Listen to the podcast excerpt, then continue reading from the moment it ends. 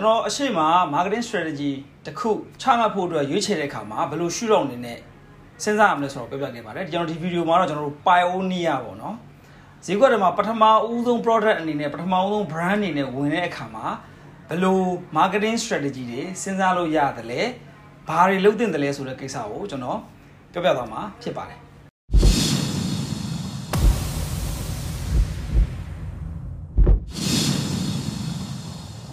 ကျွန်တော်တို့ထုတ်ကုန်ကကျွန်တော်တို့ရောင်းချင်တဲ့ပစ္စည်းကဒါမှမဟုတ်ကျွန်တော်တို့ရဲ့ဝန်ဆောင်မှုကပေါ့လေကျွန်တော်တို့လုပ်ငန်းကဈေးကွက်ထဲမှာတခါမှမရှိနေသေးတဲ့ပစ္စည်းမျိုးဆိုရင်ကျွန်တော်တို့က pioneer strategy စဉ်းစားလို့ရမှာဖြစ်ပါတယ်ကျွန်တော်တို့ pioneer strategy မှာအဓိကရွေးချယ်လို့ရတဲ့ strategy ၃ခုရှိပါတယ်ပထမဆုံးတစ်ခုကတော့ mass market penetration ဖြစ်ပါတယ် mass market penetration ဆိုတာကကြတော့ကျွန်တော်တို့ကဈေးကွက်ထဲကိုစပြီးတော့ဝင်တာနဲ့ဈေးကွက်ဝယ်စုများများရအောင်ထိုးဖောက်တဲ့ နီလန်လို့ကျွန်တော်တို့ကပြောလို့ရမှာဖြစ်ပါတယ်ဒုတိယတစ်မျိုးစားတော့ကျွန်တော်တို့က niche penetration niche penetration ဆိုတာကကျတော့ကျွန်တော်တို့ကဈေးကွက်အများကြီးကိုမယူဘဲနဲ့ဈေးကွက်တစ်ခုကိုအပိုင်းခြားတစ်ခုကိုကျွန်တော်တို့ကရွေးချယ်ပြီးတော့အဲ့ဒီဈေးကွက်ထဲမှာကျွန်တော်တို့ကထိုးဖောက်တဲ့နီလန်ဖြစ်ပါတယ်ဥပမာပြောရမယ်ဆိုကျွန်တော်မြန်မာနိုင်ငံလုံးကိုမသွားသေးပဲနဲ့ရန်ကုန်မှာပဲအရင်ဆုံးဖောက်တာဒါမှမဟုတ်လဲမန္တလေးဆိုတဲ့နေရာတစ်ခုကိုရွေးချယ်ပြီးတော့ဖောက်တာဒါမှမဟုတ်လဲလူငယ်တွေအတွက်ဆိုပြီးတော့ရည်ရွယ်ပြီးတော့ဖောက်တာ အဲဒါမျိုးကျွန်တော်တို့ကဗာလဲ niche market penetration လို့ခေါ်လို့ရမှာဖြစ်ပါတယ်အဲ pioneer strategy ထဲမှာတတိယတစ်ခုကတော့ skimming and early withdrawal ဖြစ်ပါတယ်ကျွန်တော်တို့ကဈေးကွက်ထဲမှာကိုဝင်လိုက်တဲ့အချိန်မှာကိုယ့်အတွက်အလားအလာရှိတဲ့ကိုယ့်ကိုပတ်စံအများကြီးပေးနိုင်မဲ့လူတွေကိုအဓိကထား target ပစ်ပြီးတဲ့အခါကျတော့မှကျွန်တော်တို့ကတဖြည်းဖြည်းနဲ့ဆုတ်ခွာတဲ့ ပုံစံမျိုးစဉ်းစားလို့ရမှာဖြစ်ပါတယ်တခါတလေမှာကျွန်တော်တို့က skimming ထားပြီးတဲ့အခါကျတော့မှဈေးကွက်အပြောင်းလဲပေါ်မူတည်ပြီးတော့ဆက်ပြီးတော့ချဲ့သွားတဲ့နည်းလမ်းတွေလည်းစဉ်းစားလို့ရနိုင်မှာဖြစ်ပါတယ်အဲဒါဆိုရင်ကျွန်တော်တို့ဒီမှာ pioneer အနေနဲ့ဆိုရင်ပထမအဦးဆုံးပေါ့နော် pioneer ဆိုတာပထမအဦးဆုံးဈေးကွက်ထဲမှာချပြတဲ့လူတယောက်အနေနဲ့ဆိုရင်ဒီ marketing view ဟာ၃ခုမှာ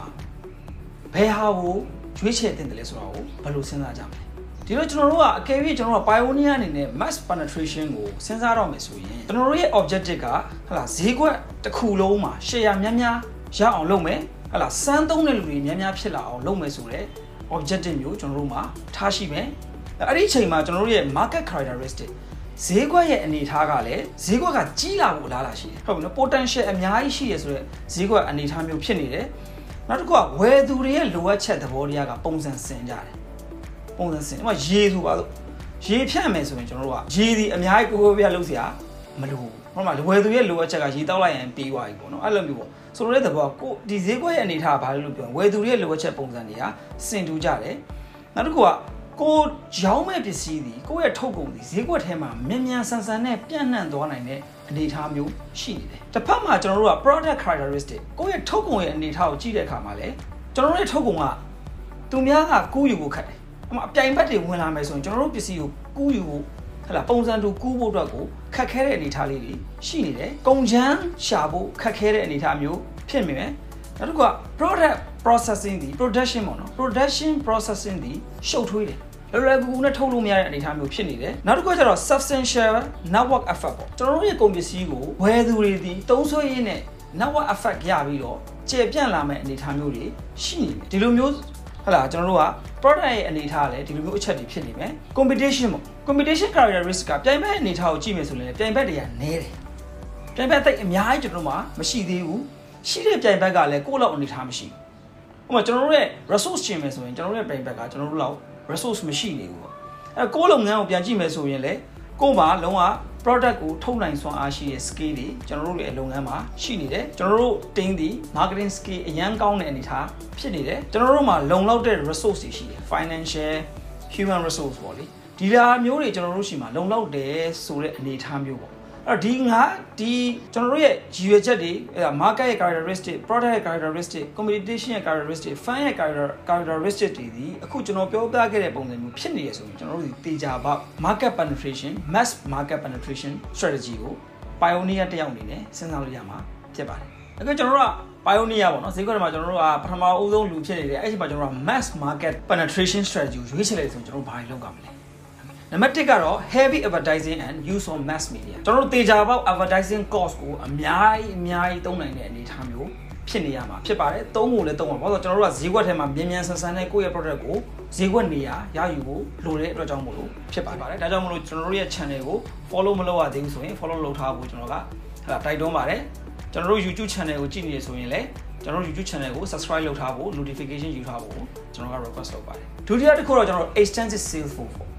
extensive sales force ဆိုတာကကြတော့ကျွန်တော်တို့ team ထဲမှာ sales team ကိုကောင်းကောင်းဖွဲ့စည်းပြီးတော့အဲ့ဒီ sales team ကနေတစ်ဆင့်ရောင်းအားတွေများတက်လာအောင်လုပ်တယ်ဟလာလုပ်ရက်တွေကိုကျွန်တော်တို့လုပ်ရမှာဖြစ်ပါတယ်ကျွန်တော်တို့ pioneer ဖြစ်နေတဲ့အတွက်ကြောင့်မို့လို့ကြော်ညာတဲ့အခါမှာလည်းကျွန်တော်တို့ပစ္စည်းရဲ့ဟဲ့လားရေဘူးရဲ့အဖြစ်အားတာတဲ့အချက်ကိုပဲညှိုးဆိုပြီးတော့ကြော်ညာတာမျိုးလုပ်နိုင်တယ်ကျွန်တော် sale promotion တွေများများပေးနေတယ်မှာ coupon တွေထုတ်ပေးတာတို့ sampling ပေးတာတို့ဟဲ့လားအရေးအတွက်ပုံမှာများများ ဟဲ့လားအရေးအတွက်များများယူရင် short ဈေးပေးတဲ့ပုံစံမျိုးတွေကျွန်တော်တို့ကလှုပ်ဆောင်နိုင်မှာဖြစ်ပါတယ်အစမ်းပေးသုံးတာမျိုးတွေကျွန်တော်တို့ကလုပ်နိုင်မယ် expand offering expand offering ဆိုတော့ကကျတော့ကျွန်တော်တို့ product ကိုထုတ်ပြီးဆိုတော့အဲ့မှာကျွန်တော် product line တွေထပ်တိုးတာတို့ဟဲ့ packaging site ကိုအမျိုးမျိုးဖန်တီးတာတို့ဒါမျိုးတွေကျွန်တော်တို့ကလုပ်နိုင်မှာဖြစ်ပါတယ်နောက်တစ်ခုကဈေးနှုန်းသတ်မှတ်တဲ့အခါမှာလည်း penetrating pricing ကိုအဓိကထားပြီးတော့သုံးသင့်တယ် penetrating pricing ဆိုတာကကျတော့ကျွန်တော်တို့က quality ကောင်းကောင်းနဲ့အဲ့ဒါရေဘူးရပြန်အပြင်ပြောမယ်ဆိုရင်တော့ quality ကောင်းကောင်းနဲ့ဈေးနှုန်းကိုလူလက်ခံနိုင်လောက်မဲ့လူတက်တာတဲ့နှုံထားဆိုတဲ့ပုံစံမျိုးလူတွေမြင်လောက်တဲ့အနေအထားနဲ့ကျွန်တော်တို့ကရောင်းချတဲ့ပုံစံမျိုးနဲ့ဝင်နိုင်မှာဖြစ်ပါတယ်နောက်တစ်ချက်ကတော့ကျွန်တော်တို့ဒီဈေးကွက်ထဲမှာများများပြန့်သွားစေချင်တာဖြစ်တဲ့အတွက်ကြောင့်မို့လို့တက်နိုင်တယ်ဆိုရင်ကျွန်တော်တို့ရဲ့ channel member တွေပေါ့နော်အထူးသဖြင့် wholesale retail တွေကို credit တန်းတွေပေးထားနိုင်တယ်ဆိုရင်ပို့ပြီးတော့တင့်တော်မှာဖြစ်ပါတယ်နောက်တစ်ခုတော့ကျွန်တော်တို့ကကိုရောင်းတဲ့ပစ္စည်းကအမ technical နဲ့နဲ့ဆန်တဲ့ပစ္စည်းမျိုးဖြစ်နေဆိုရင် service training တွေပေးတာ installation training တွေပေးတာမျိုးတွေဟလာဒါမျိုးတွေကိုကျွန်တော်တို့ကတေချာလေးလုပ်ပေးတင်တာဖြစ်ပါတယ်အဲ့တော့ဒီအချက်တွေကိုလုပ်မယ်ဆိုရင်ကျွန်တော်တို့ကလုပ်ငန်းထဲမှာဈေးကွက်ထဲမှာပထမအဦးဆုံးဝင်တဲ့လူတစ်ယောက်အနေနဲ့ mass market penetration ကိုသုံးတဲ့အခါမှာပို့ပြီးတော့အောင်မြင်လာမှာဖြစ်ပါတယ်